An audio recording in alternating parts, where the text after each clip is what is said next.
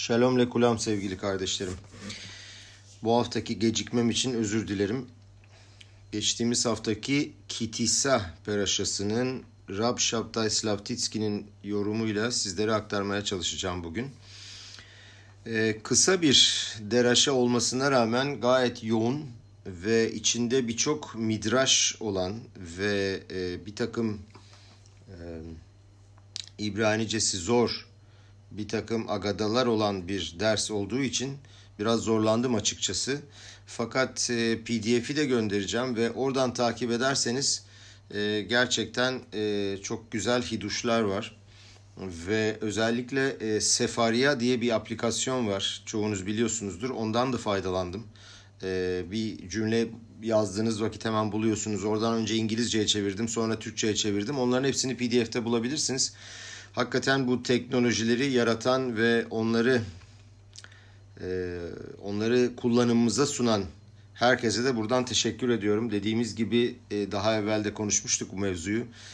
Herkes sonuç olarak Akadosh Baruhu'nun planını uygulamak için çalışıyor ve e, bütün bunlar bizim bu dersleri güzel bir şekilde aktarmamıza sebep oluyorsa e, onlara da e, teşekkür etmek lazım. Gelin başlayalım. Bu haftaki peraşayı şöyle tanımladı Rav Şaptay. Kşayim bahayim kah nemanef otam letzmiha ve atslaha. E, hayattaki bazı zorluklar var. E, nemanef, lemanef kaldırmak demek, kaldıraç demek aslında.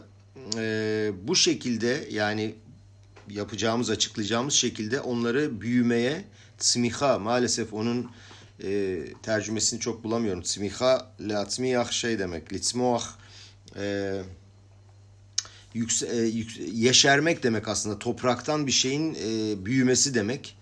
Yeşermek onu nasıl büyütebiliriz ve başarıya nasıl dönüştürebiliriz? Kaldırabiliriz diye yazdım ama hani kaldıraç olduğu için çok fazla uygun olmayabilir ama anladınız siz e, manayı. Çok kişi kendisine e, düşüşü, düşmeyi yükselişe nasıl çevirebileceğini soruyor. Yani başarısızlık, başarısızlığa uğradığımız vakit bunun başarıya nasıl dönüştürebiliriz? Bu haftaki Tora'nın kırılan levhaları anlattığı meşhur Kitisa peraşasında şöyle yazıyor. Moşe işlih miyada ve taluhot ve yeşabberotam. Moşe elinden levhaları attı ve onları paramparça etti. Bu noktada tüm yorumcuların sorduğu soru geliyor. Neden kırdı levhaları? Yani senin eğer vereceğin bir hediye varsa birisine ve e, diyelim ki oğluna, öğrencilerine bir hediye vereceksin ve onlar gerektiği gibi davranmadılarsa ne yaparsın? Kırar mısın bu hediyeyi? Koyarsın bir yan tarafa, vermezsin. O an vermezsin ama düzgün davrandıkları ve teşuva yaptıkları zaman geri verirsin. Niçin kırıyorsun? Niçin yok ediyorsun? Yok etmiyorsun da niçin kırıyorsun? Anlaşılması zor olan bir şey daha var. Levhalar kadoştu. Yani mübarekti. Mübarek lafını kullanmak daha doğru burada. Kutsal çok hoş durmuyor. Ve orada Tanrı'nın isimleri yazılıydı. Diyelim ki harfler oradan yok olmuş olsa dahi e, bildiğiniz gibi e, Moshe Rabenu e, levhalarla aşağı indiğinde ve Het Aygel'i gördüğünde harfler kayboldu. Ve harfler kaybolduğuna göre dün e, Holon'daki e, Holon'daki kalda e, deraşa dinlerken duydum. Harfler yok olduğu zaman o luhotların ağırlığı birdenbire e, onun eline e, ağır geldi diyorlar. E, bir yorum var ve Moshe Rabbeinu o yüzden düşürdü, kırdı diyenler de var ama diyelim ki harfler yok oldu ama levhaların kendisinde bir keduşa vardır her zaman için. Ve Betamiktaş'ta tek bir taşı kırmak bile yasaktı. O zaman Moshe Rabbeinu nasıl olur da kırdı bunları? Düşünecek olursak daha büyük bir sorun daha var. Akadosh Baruhu levhaları Moşe'ye ne zaman verdi? Altın buzağı hatasından önce mi sonra mı? Tora'da bakıyoruz ki kesinlikle altın buzağı hatasından sonra verdi.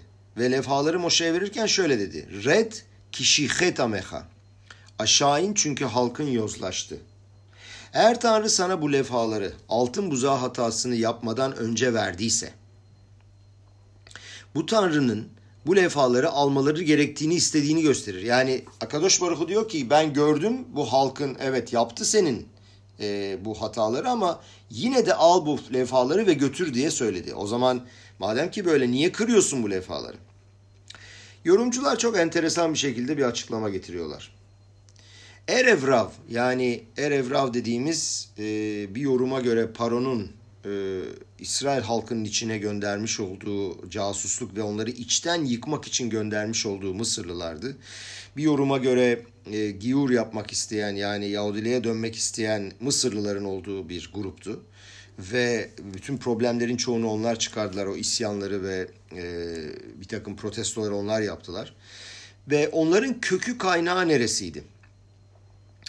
Onu sormak lazım. Sonuç olarak bu altın buzağı hatasını yapan kişi 3000'di. Ve daha sonra Moshe Rabenu indiğin zaman biliyorsunuz e, Levi kabilesine daha doğrusu dedi ki kim benim yanımda Levi kabilesi onunla beraber oldu. Çünkü onlar hata yapmamışlardı ve e, 3000 kişiyi öldürdüler. Dolayısıyla hatayı yapan kişi sayısı 3000'di. Yani 600 bin kişi olan, 600 bin erkek olan İsrail halkının içinde aslında çok küçük bir orandı ama o zaman niçin gerçekten bu hatayı yaptılar? Erevrav niçin yaptı?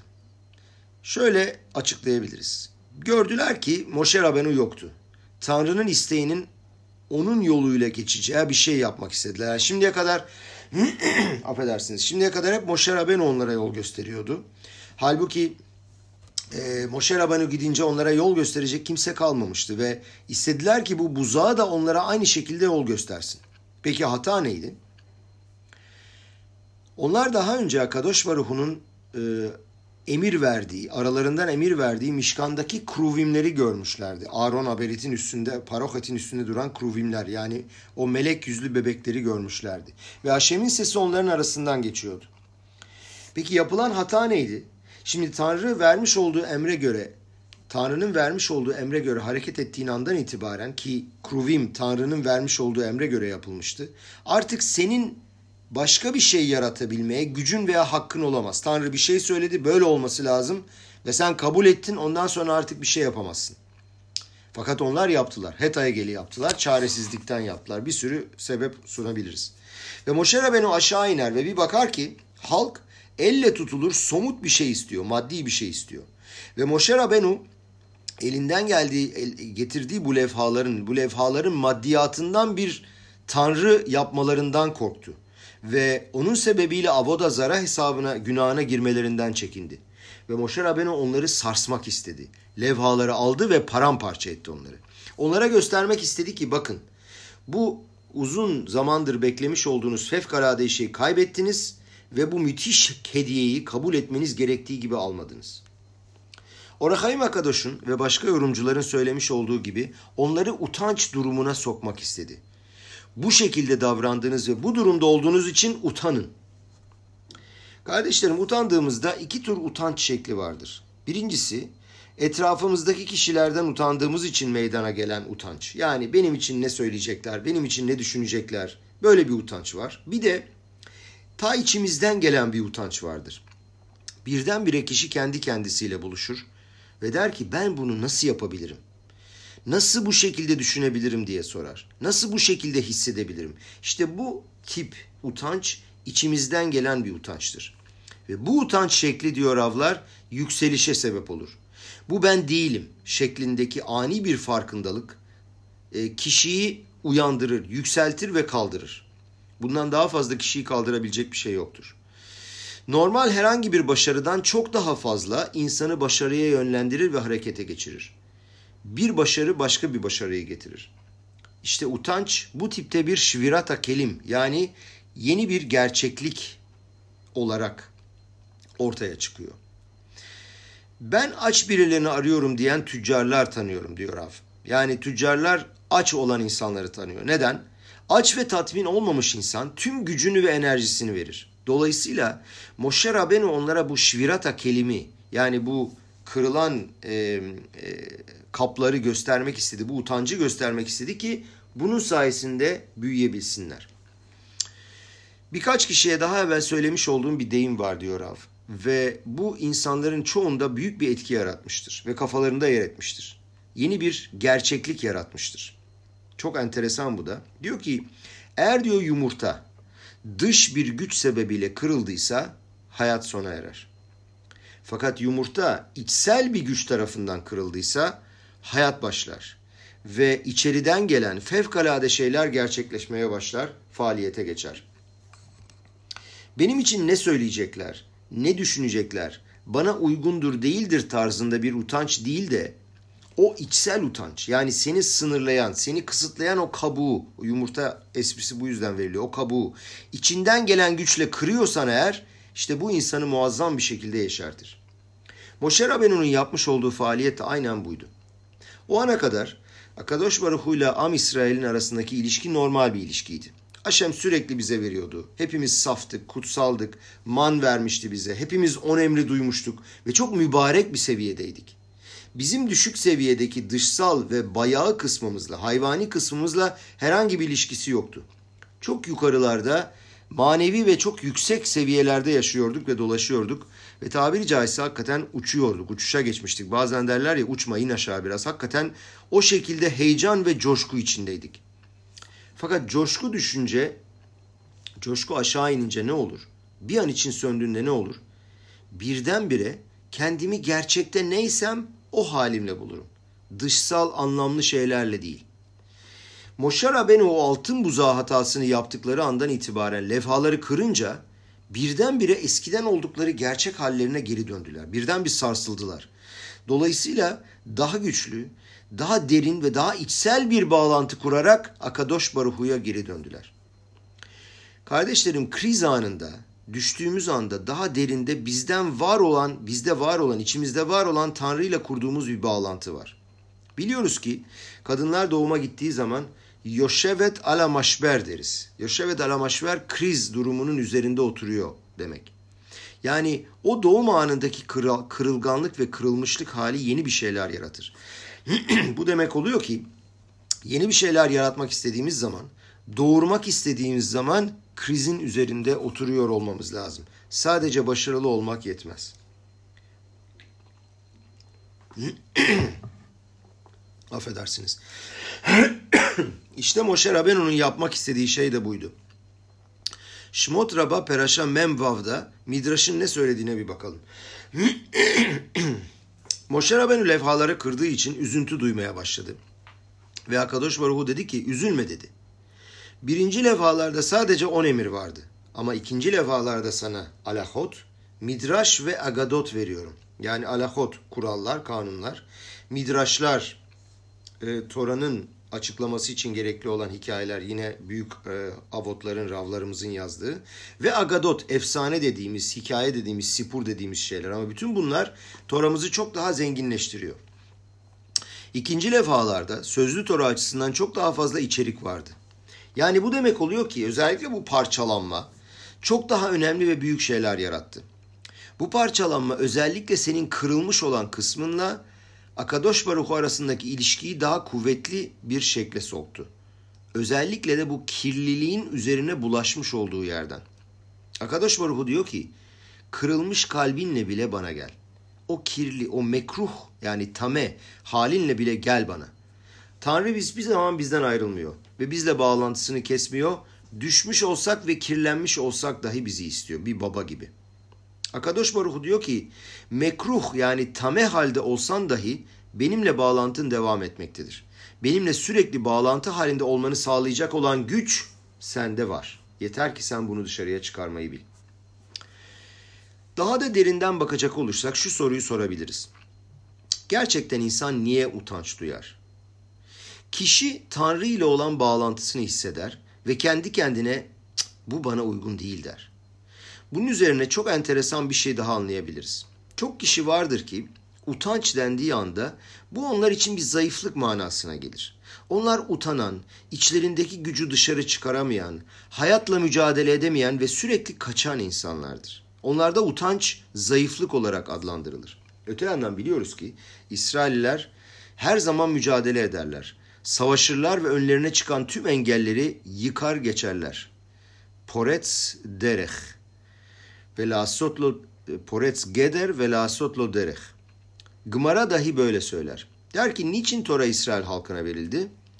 Şimdi burada biraz kelime oyunları var. Bu oyunları biraz anlatmam lazım size. Çünkü onlar küstahtır. Azut. Ayn e, Ayn Zayn Yut Mem e, Yut e, Tet e, taf affedersiniz. Azut, ayn, zayn, vav ve taf. Azut, az. Mipney ma Tora natnu leam İsrail, mipney she'em azim.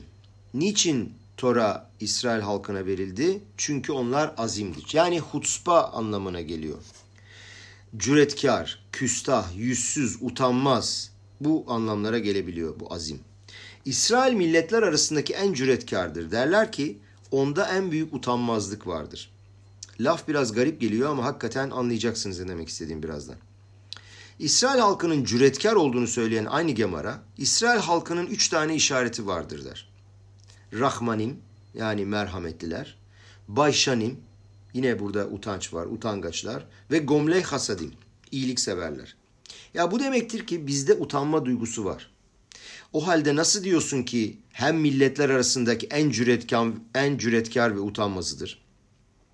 Ve ilk söylediklerin ile utanma duygusu nasıl birbirine uyuyor? Bu yetmezmiş gibi muazzam bir sorumuz daha var. Am İsrail altın buzağı hatasını yaptıktan sonra Moşe Rabenu Tanrı katına çıkar ve onlar adına bağışlanma ister.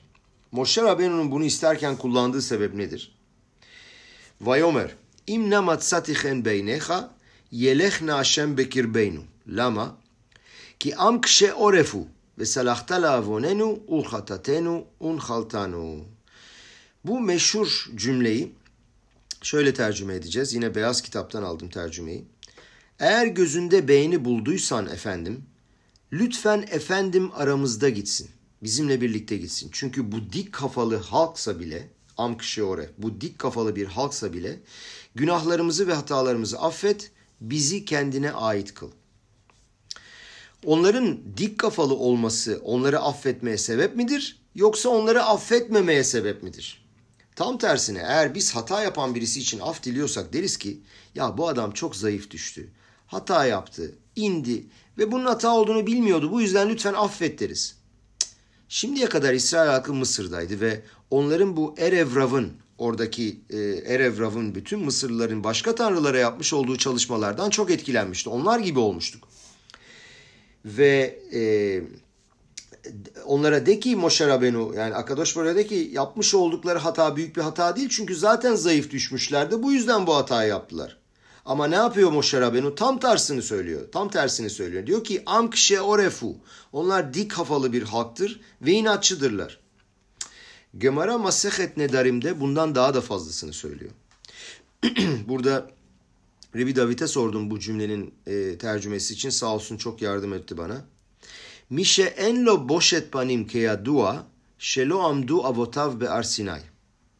Yani diyor ki utanma duygusu olmayan bir kişinin ataları Sinay Dağı'nın eteklerinde yani Mağmad Arsinay'da olmadılar demektir. Yani biz utanma duygusunu Arsinay'da edindik. İyi de bu iki konsept nasıl birbirleriyle uyuyor?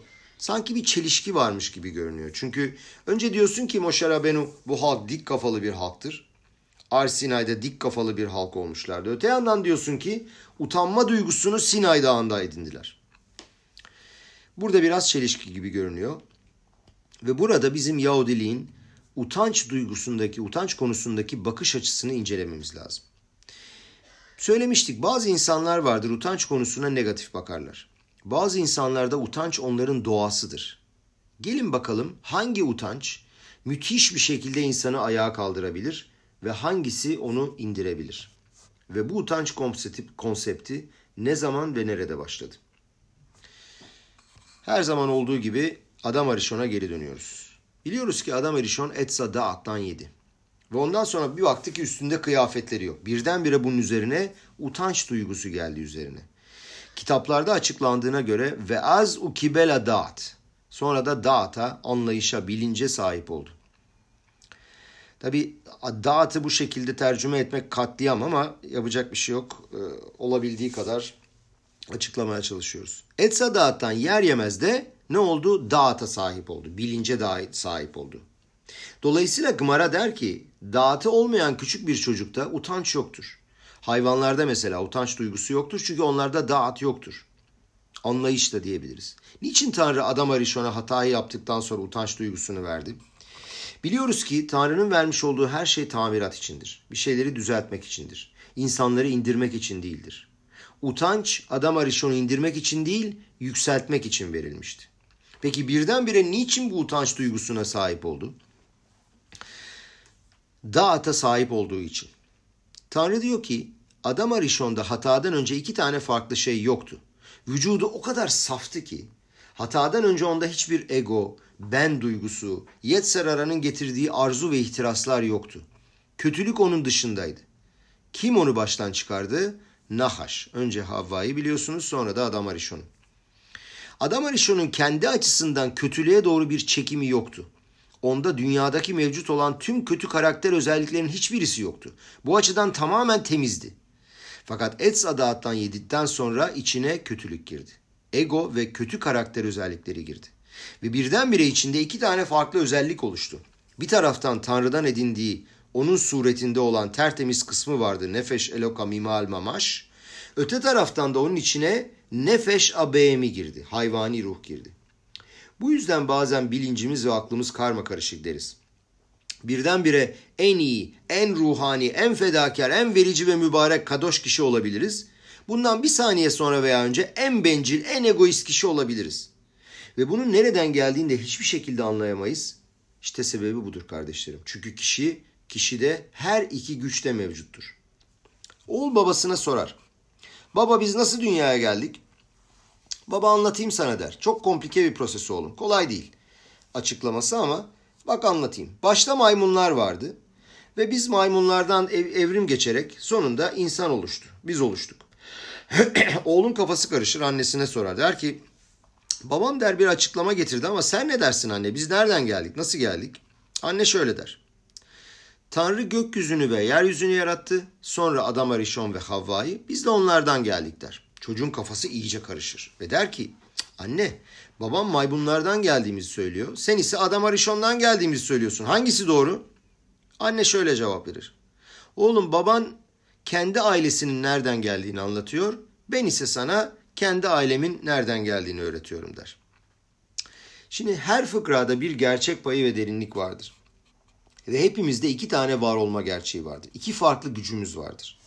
Bir kişi başarısız olduğunda onun tanrısal ruhu eşliğinde onun saflığı tanrısından elde ettiği güçlere göre davranmaz ise ve utanırsa bir daha söyleyeyim bunu. Bir kişi başarısız olduğu zaman ne demek? Yani o tanrısal ruhundan almış olduğu saflığı ve oradan aldığı güçlere göre davranmaz ise ve utanırsa hangi kısmı utanır?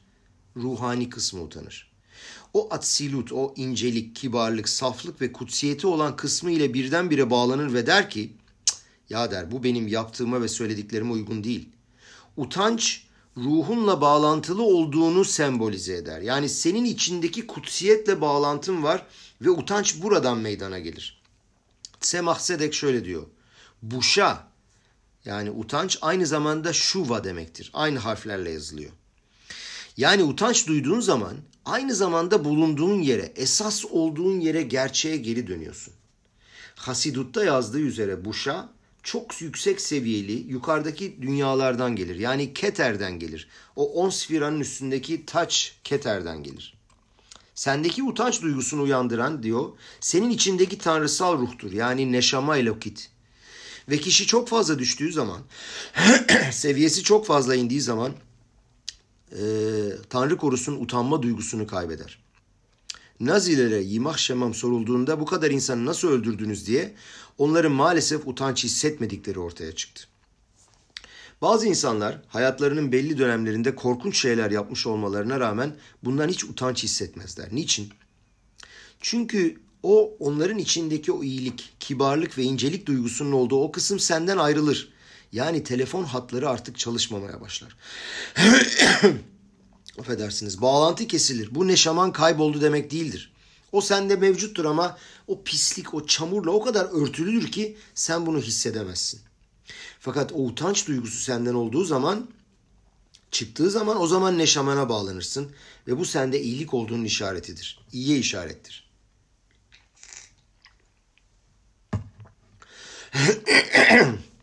Çok iyi anlaşılıyor ki özellikle utanç duygusunu hissettiğin anda ve kim olduğunun farkına vardığında yani sadece maddi bir vücuttan ibaret olmadığını anladığında ve bunu hissettiğinde kendinde o tanrısal ruhu, kutsiyeti gördüğünde seni yaradan Tanrı'nın bu dünyadaki elçisi olduğunu anladığında işte o zaman o müthiş güce, cürete ve kuvvete sahip olursun ve ulaşırsın.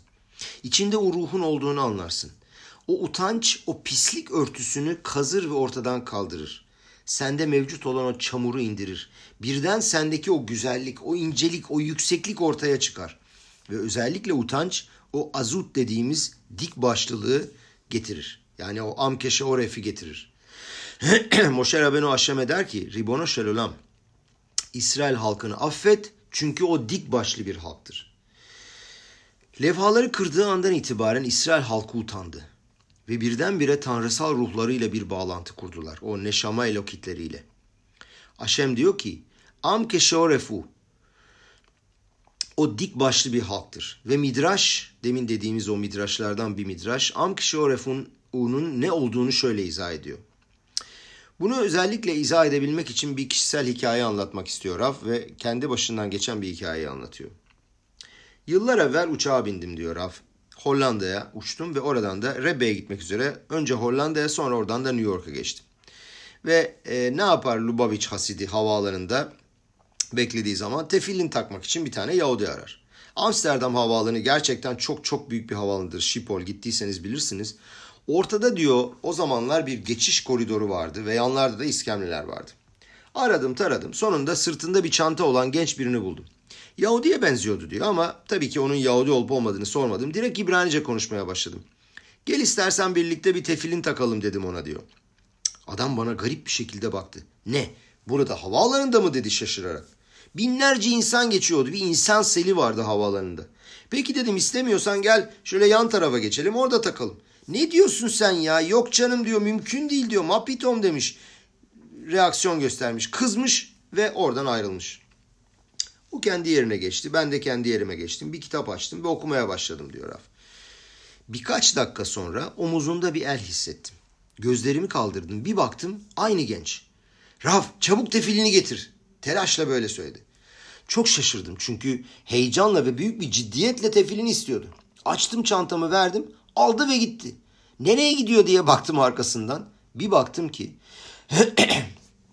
o büyük geçiş yerinde koridorda bir grup Arap Müslüman Arap vardı. Yolun ortasında açmışlar halılarını, çantalarını çıkarmışlar, namaz kılmaya başlıyorlardı. Genç bir baktım tam karşılarında ayakta durdu. Tefilini taktı ve bütün havaalanı sarsıldı müthiş bir sesle Hollanda'da. Şima İsrail, Hashem Elokenu, Hashem Echad. Kimseye aldırmadan. Kim insan şok içinde ona bakmaya başladı. Bazı Yahudiler alkışlamaya başladılar. İçlerindeki o kıvılcım alev aldı. Daha sonra genç geri döndü ve tefilini çıkardı. Ve sordum ona ne oldu diye. Dedi ki onları gördüm dedi dualarını ederken. Düşündüm kendi kendime ve sordum. Utanmıyor musun ya dedim kendi kendime. Onlar bizden sonra inanç sahibi olmalarına rağmen kimseye durup kimseye aldırmadan kendi dualarını yapıyorlar. Sen ki Akadosh Baruhu seni tüm milletlerin arasında özel olarak seçti. Sen ki ataların her yerde ve her şartta hayatlarını tehlikeye attılar. Kimliklerini, aidiyetlerini devam ettirmek için. Sen mi çekiniyorsun duanı yapmaktan dedim ve utandım. Bir düşünelim bu utanca ne sebep oldu kardeşlerim? Am kişi oref. O küstahlık, o cüretkarlık, o dik başlılık ve inatçılık. Tüm dünya umurumda bile değil kimseye aldırmıyorum. Görüyoruz ki utanç ve dik başlılık arasında müthiş bir bağlantı var. Bu bir çelişki değil. Tam tersine gerçek utanç kötü güçler ve ruhlar açısından gelen utanç vardır. E, Mitsada klipa bunu tercüme etmekte zorlandım. Mitsada klipa kötü güç ve kötü ruhlar açısından. Adam mesela eski bir araba kullanmaktan utanç duyabilir. Veya dükkana girip parası olmadığı için ucuz bazı şeyleri aramaktan utanır. İşte budur klipa açısından yani kötü güçler tarafından gelen utanç. Fakat neşama yönünden gelen utanç duygusu vah müthiş bir güç verebilir. Seni nasıl da ayağa kaldırabilir. Midraş izah eder. Nedir keşeoref? Rav, e, Rabbi Yitzhak Rav Ami adına şöyle diyor. Ata savur lignay eyno el ale şifham O Yehudi o tsaluf. Yani sana dedikleri zaman ya avoda zara yapacaksın, putlara tapacaksın ya da seni öldüreceğiz. Eğer avoda zarayı reddedip Tanrı'ya dönen bir Yahudi misin? Yoksa avoda zaraya putlara tapıp onların önünde eğilir misin? İşte Amkşe Oref olan halk, dik başlı halk kendini feda eder, kafasını eğer ve der ki kesin kafamı yapmayacağım avoda zaraya e, çalışmaya. Rabbi Yehuda Bentema'nın yazdığı da budur. E, Rabbi Yehuda Bentema korbanot okuyan, sabah tefilalarda korbanot okuyanlar bilir. En son paragraftır. Eve az kenamer. Tanrı'nın isteğini getirirken bir panter kadar atılgan ol. Burada tabii az kelimesi var. Bu azı e, ben e, Türkçe ter, Türkçe'ye tercüme edilen kitaptan aldım. E, atılgan demiş. Ama burada yine o cüretkarlık işin içine giriyor. Panter kadar atılgan. Az kenamer. Şulhan Aruh'ta şöyle diyor. Ve al yivoş mipney amaligim alav. Kimseye aldırma diyor. İlk Yahudi Avraham İvri, Avraham İvri olarak adlandırılmıştı. Niçin? Çünkü tüm dünya bir kenardaydı, o diğer kenardaydı. Kola olan meverehat ve u meveraşeni. Aynı Yehuda Bentema şöyle diyor. As panim le u voşet panim le gan eden. Yani şöyle diyor ki kibirliler, utanmazlar cehenneme gidecek ama utangaçlar cennete girmeye hak kazanacaklardır. Bunu her gün okurken e, tabii ne olduğunu bazen anlıyorsunuz bazen anlamıyorsunuz ama bu şekilde izah edildiği vakit gerçekten okuduğunuz dualar çok başka bir anlam kalıyor ve müthiş bir zenginlik katıyor. Bu çok çok hoşuma gidiyor. Bir daha okuyorum bunu. Kibirliler utanmazlar yani aspanim legeinom kibirliler utanmazlar cehenneme gidecek. Az yine az var burada. Aspanim işte o küstah demek. Ama utangaçlar, u boş et panim, utangaçlar cennete girmeye hak kazanacaklardır. Çelişki var mı? Hayır yok. Aynı adam Yehuda Bentemo aynı Mişna'da söylüyor. Çünkü diyor ki utangaçlık umursamazlığı ve cüreti utanmazlığı getiriyor. Hasidimlerde şöyle bir hiduş var. Bu da çok enteresan. Diyor ki aspanimle geinom. Yani kibirliler, utanmazlar cehenneme gidecek. Ne demek? Yani çok güçlü ve hiçbir şeyden etkilenmeyen insanları cehenneme bile soksan oradan yeşererek ve büyüyerek çıkarlar. Fakat utangaç, böyle zayıf, halaç, mıy mıy mıy kişiler hiçbir yere gidemezler. Onları cehenneme sokamazsın. Onların diyor cennette kalmaları lazım. Daha sakin olmaları lazım. Bazen çok da kolay olmayan durumlarda kalıp da eğer bu durumla başa çıkabiliyorsak, bu iddialı şeylerle mücadele edebiliyorsak, bu Edgar'ı alabiliyorsak bu challenge'ı işte bu bizim azut panim yani cüretkar ve gözü pek ve aynı zamanda biraz da küstah olduğumuzu ispat eder. Şimdi burada bir cümle daha geliyor işte bununla bayağı uğraştım. Dediğim gibi Sefarya'dan e, alarak ta- tercüme ettim. Bunu biraz inceleyelim. Uzun bir cümle sonra tercüme edeceğim. Elokay, at şelonot sarti eynikedai. ועכשיו שנוצרתי כאילו לא נוצרתי. עפר אני בחיי, קל וחומר במיתתי. הרי אני לפניך ככלי מלא, buşa uhlima. Tercüme edelim. Tanrım, ben yaratılmadan önce yaratılmaya layık değildim. Yani Elokay at şerenot sarti eynik eday. Ve şimdi biçimlendiğime göre sanki hiç biçimlenmemiş gibiyim. Ve akşav şenot sarti keilu lonot sarti. Ben yaşarken toz gibiyim. Affar ani behayay. Kal ve homer bemitati. Ölünce ise daha da çok toz gibiyim. Yani hepimiz ölünce toz oluyoruz bildiğimiz gibi. Ve şimdi burada esas cümle geliyor kullanmak istediği Rav'ın.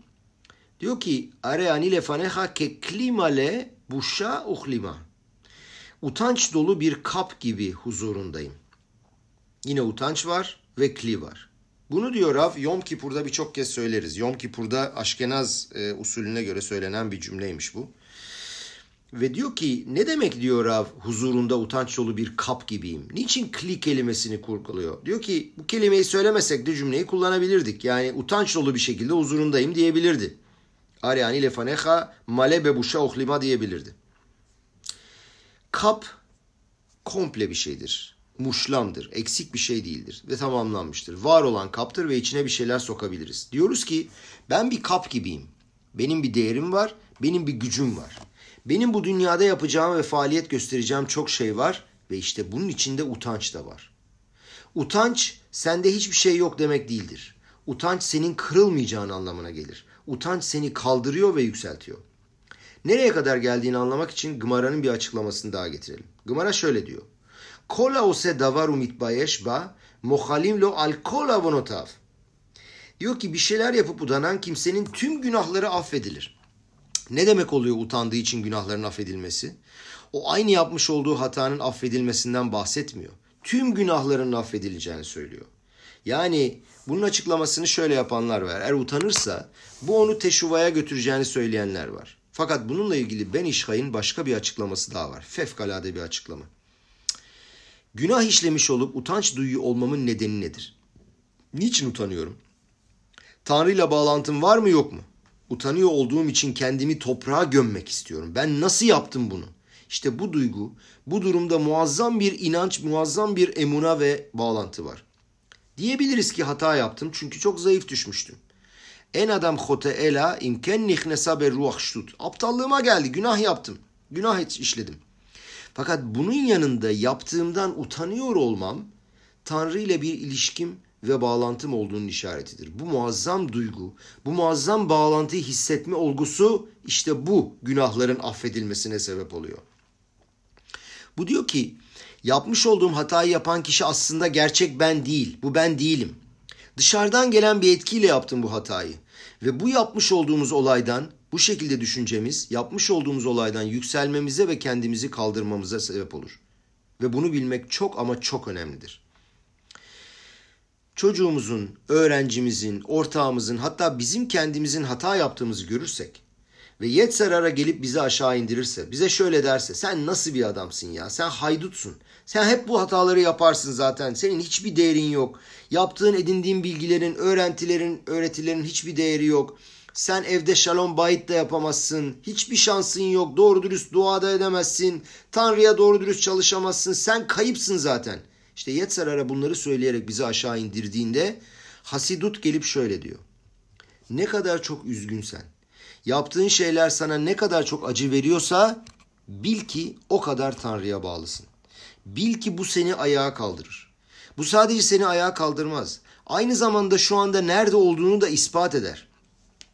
Tüm yaptığın hata ile birlikte eğer bu sana acı veriyorsa ve bu senin ağrına gidiyorsa bil ki Tanrı'ya çok bağlısın. Şimdi sen Tora ve misvaları yapıyor olabilirsin, dua edebilirsin. O zaman zaten Tanrı'ya bağlı olduğunu hissediyorsan okey buna diyecek bir şey yok.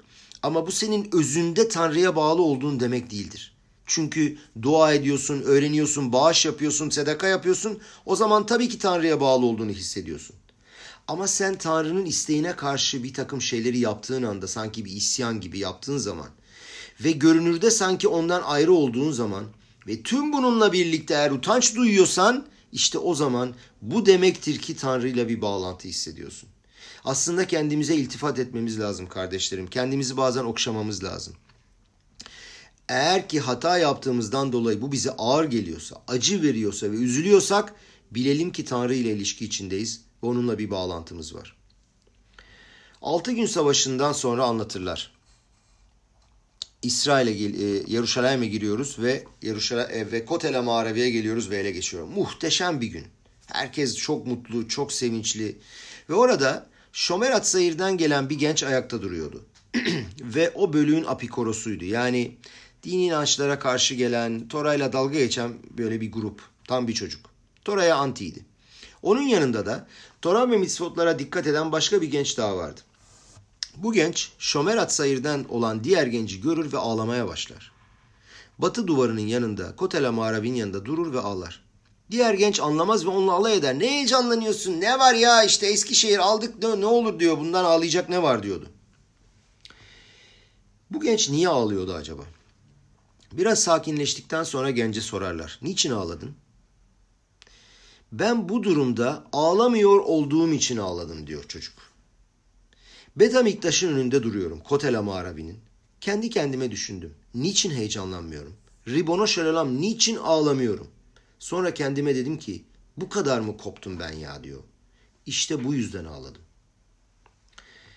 Gelin bu olayı derinlemesine bir inceleyelim. Bu ağlamanın ne manası var? Bize ne söylemek istiyor?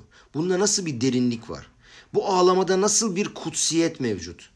Herhangi bir acı hissetmediğim için ağladım. Utanç duymadığım için ağladım ve bütün bunları hissettiğim zaman nasıl da utandım. Ve işte bu utancı duyduğumda Tanrı ile nasıl bir bağlantı içinde olduğumu daha iyi anladım. Ve bu çok daha derin bir bağlantı. Çünkü Tora ve mitzvot yapmasam bile, hatalar yapsam bile yine de Tanrı ile bağlantı içinde kalıyorum. Bunu izah eden küçük bir sipur daha var. Shoah zamanı Reb Shloime Alberstam ile ilgili bir hikaye bu. Kendisi Shoah'da bulunduktan sonra Amerika Birleşik Devletleri'ne kaçtı ve küçük bir sinagog kurdu. Çok fazla bir cemaati yoktu. Hatta bazen minyan bulmakta bile güçlük çekiyordu. Bir gün katılımcılarından dedi ki minyanımız yok 10.yu arayın gidin bulun. Bir baktılar gittiler parkta dolaşan birini buldular. Sen Yahudi misin diye sordular. Evet diye cevap verdi. Peki 10. olarak duaya katılır mısın? Minyanı tamamlar mısın? Tabii ki demiş. Hatta ben Hazan bile olabilirim demiş. Pardon. Kabul ettiler Hazan olmasını ve gencin ve gelmiş çocuk Şaliyah Zibur olmuş. Çocuğun adı Yankele'ymiş. Fakat Yankele dati bir çocuk değilmiş. Belli bir sonra, süre sonra başka bir yere geçmişler. Daha büyük bir sinagog kurmuşlar ve Yankele gelmemeye başlamış. Bir keresinde Rebe gelmiş e, Kala demiş ki oğluna Reb Naftali oğluna demiş ki ya demiş bir zamanlar bir hazanımız vardı çoktandır gelmiyor git ara bakalım demiş neredeymiş. Reb Naftali dışarı çıkar bakar bir bakar şabat günü parkta gazete okuyor ve sigara içiyor. Bunu görünce bakar tamam der ne yapalım yapacak bir şey yok. Geri döner Bet Knesset'e ve babasına der ki baba sorma şabatı açık seçik ihlal ediyor sigara içiyor. Babası der ki git getir onu der. Oğlu der ki baba duymadın galiba sigara içiyor gazete okuyor şabat günü nasıl yani diyor gelip burada hazanlık mı yapsın diyor. Babası der ki oğlum der sigara içen o değil o nazi sigara içiyor. O kadar aşağılanma, o kadar sıkıntı yaşadı ki hayatında. O değil sigara içen. O nazi içiyor. Onun yüzünden içiyor. O hiçbir zaman içmedi. içmiyor ama onun içine o tırnaklarıyla o zehri sokmuş olan nazi yüzünden içiyor o sigarayı. Oğul tabii baba böyle söyleyince hiç itiraz etmeden gidip genci getirir. Genç gelir duasını eder ve belli bir süre sonra başka bir yerde yaşamaya başlar. 30 sene sonra Rebbe bir bakar Birden bir Yahudi girer içeri sakalı ve şapkasıyla beraber. Elinde bir davetiye getirir ve der ki torunumu evlendiriyorum ve kendisini davet etmek istediğini söyler. Rebe sorar kimsin sen? Sen diyor hatırlıyor musun eskiden o bir çukurun orada bir e, hazanın vardı senin. 10 kişiyi tamamlamıştın. İşte ben oldum diyor. Rebbe bunu duyunca çok sevinip ve oğluna diyor ki bak diyor ben söylemiştim sana diyor. Sigara içen o değildi diyor. Nazi içiyordu. Gelin şimdi muazzam bir şey daha anlayalım. Tora soruyor. Aaron'un içinde ne vardı? Luhot, levhalar vardı. Luhot ve şivrey luhot ayu munahim be Aaron. Yani Aaron'un içinde levhalar vardı ve kırılmış levha parçaları vardı. İkinci luhot, ikinci levhalar ve birinci levhanın kırılmış parçaları. Pasukta denildiği üzere Akadosh Baruhu emretti. Hem levhaları koyun hem de kırılmış levha parçalarını Aaron'un içine koyun. Ramban der ki, Şivrey luhot havivim lifnei makom Değilu ayta şiratan kaşa lefanav lo aya omer lesuman be Aaron. Yani levhaların kırık parçalarının Tanrı katında çok büyük bir değeri var. Eğer öyle olmasaydı Aaron'un içine koy demezdi. Ve bir kural daha vardır biliyoruz. En kategor nase sanegor. Savcıdan avukat olmaz. Bunları böyle tercüme ettim. Umarım doğru yapmışımdır. Yanlışım varsa uyarabilirsiniz beni ve e, düzeltebilirsiniz. Hepsi yazılı. Şimdi Kohen Agadol niçin Betamiktaş'a altından yapılmış kıyafetleriyle girmiyordu? Altın yap, altından yapılmış olan altın buzağı hatasını hatırlatmamak için. O hatamızı e, kafalarda tutmamak için. Peki o halde niçin kırılmış levha parçalarının Aaron'un içine konulması istendi? Öyle ya onu yana koyardık, unuturduk. Yaptık bir hata, hatırlamamak üzere başka bir yere koyardık. Ve bu şekilde o hatayı düşüşü unuturduk ama Kadosh Baruch şöyle diyor. O kırılmış olan levha parçaları diyor benim için çok kıymetli. Bu şekilde aşağı düştüğün ve seviyen indiği andan bile anda bile diyor senin o bağlantın devreye gidiyor. Bazen kardeşlerim hayatımızda harflerin bizden kaybolduğunu görürüz. Yaşamsallık yok, canlılık yok, heyecan kalmamış, coşku yok, yaşam sevinci kalmamış, Sinagoga gelmiş söylüyor kelimeleri ama nerede olduğunun, neresinden tuttuğunun farkında bile değil. Ona diyorlar ki ona diyorlar ki hesed yap, şabatı koru, Tora öğren. Oturur yerinde ama hiçbir canlılığı kalmamıştır. Sanki harfler ondan kaçmıştır. Tam bir boşluk hissediyordur. Levhalar vardır fakat harfler yoktur. Akadosh Baruhu sorar. Levhalar nasıl kırıldı? Harfler ortadan kaybolduğu zaman levhalar kırıldı. Harfler ortadan kaybolduğu zaman dahi levhalar kırıldığı zaman bile havivim alay. Benim için çok büyük bir değeri var. Çünkü bu levhalar daha önce söylediğimiz gibi dünyaya çok daha fazla Tora getirdi. Nasıl getirdi?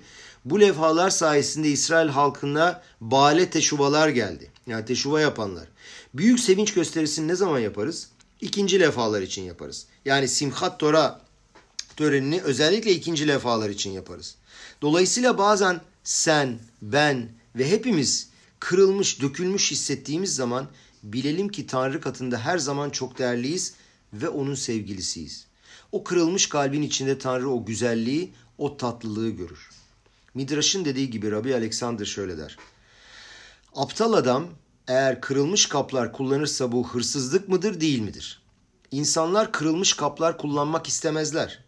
Fakat Akadosh Baruhu diyor ki kli taşmuşoş vurim. Tanrı'nın kullandığı kaplar mükemmel veya kırılmış değildir. O kırılmış kaplarla birlikte kullanmaktadır. Yani bu demektir ki Tanrı kırılmış kalplere daha yakındır. Arofey lişvurelev zilhe lokim ruah nişbar. Akadosh Baruhu kırık kalpleri iyileştirir ve Tanrı'ya verilen kurbanlar kırılmış bir ruh ve kalp gibidir. Özellikle kırık kalp adalet getirir. Işığın, keduşanın, kutsiyetin içeri girebilmesine sebep olur. Özellikle en alçak basamaklarda Tanrı ile olan içsel bağlantını daha iyi hissedersin. Özellikle orada en alçak şeyleri bile kaldırabileceğini hissedersin. Nitave akadosh baruhu liotlo dira batahtonim. Tanrı'nın arzusu en alt seviyelerde bizimle birlikte barınabilmek ve açığa çıkabilmektir. Ne kadar daha çok aşağı düşüp oradan uyanırsan ve kalkarsan ve Tanrı'nın işte o zaman Tanrı'nın aşağıda en alt seviyelerde bulunmak isteme amacına yani nitave akadosh baruhu liotlo dira batahtonim amacını gerçekleştirmiş olursun.